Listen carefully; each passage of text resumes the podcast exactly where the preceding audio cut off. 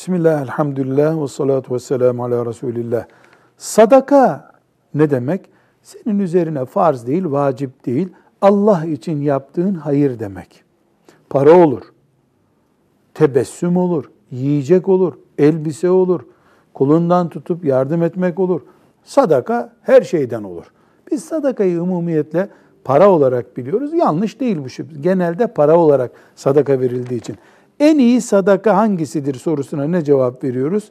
Sekiz maddede özetleyebiliriz bunu. Bir, gizli olandır en iyi sadaka. İki, en muhtaç olana ihtiyaç zamanında verilen sadakadır.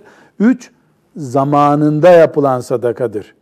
İş işten geçtikten sonra sadaka o değerde olmayabilir. Dört, insanın kan bağı olarak en yakınında durana eğer en muhtaç ise verilen sadakadır.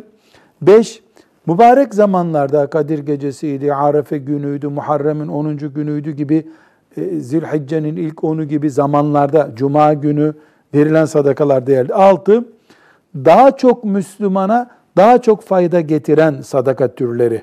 Çeşme yaptırıyorsun, bir bardak su vermekten daha iyi herhalde. Çok Müslüman ve hayvanlar onu istifade edecekler. Ve yedincisi, Müslümanın en çok sevdiği şeyden vermesi sadakanın en iyisidir. Müslüman parayı daha çok seviyorsa paradan sadaka verecek. Çünkü sadaka koparıp ciğerinden öbürünün ciğerine katmaktır. Bu senin Allah için yapma kapasiteni gösteriyor ve sadakaların şüphesiz en iyisi cari olan sadakadır. Yani sürekli olan sadakadır. Kitap yazmak süreklidir, çeşme yaptırmak süreklidir, camiye katkıda bulunmak süreklidir. Sen ölürsün devam eder. Sadaka sevabında yazılır. Velhamdülillahi Rabbil Alemin.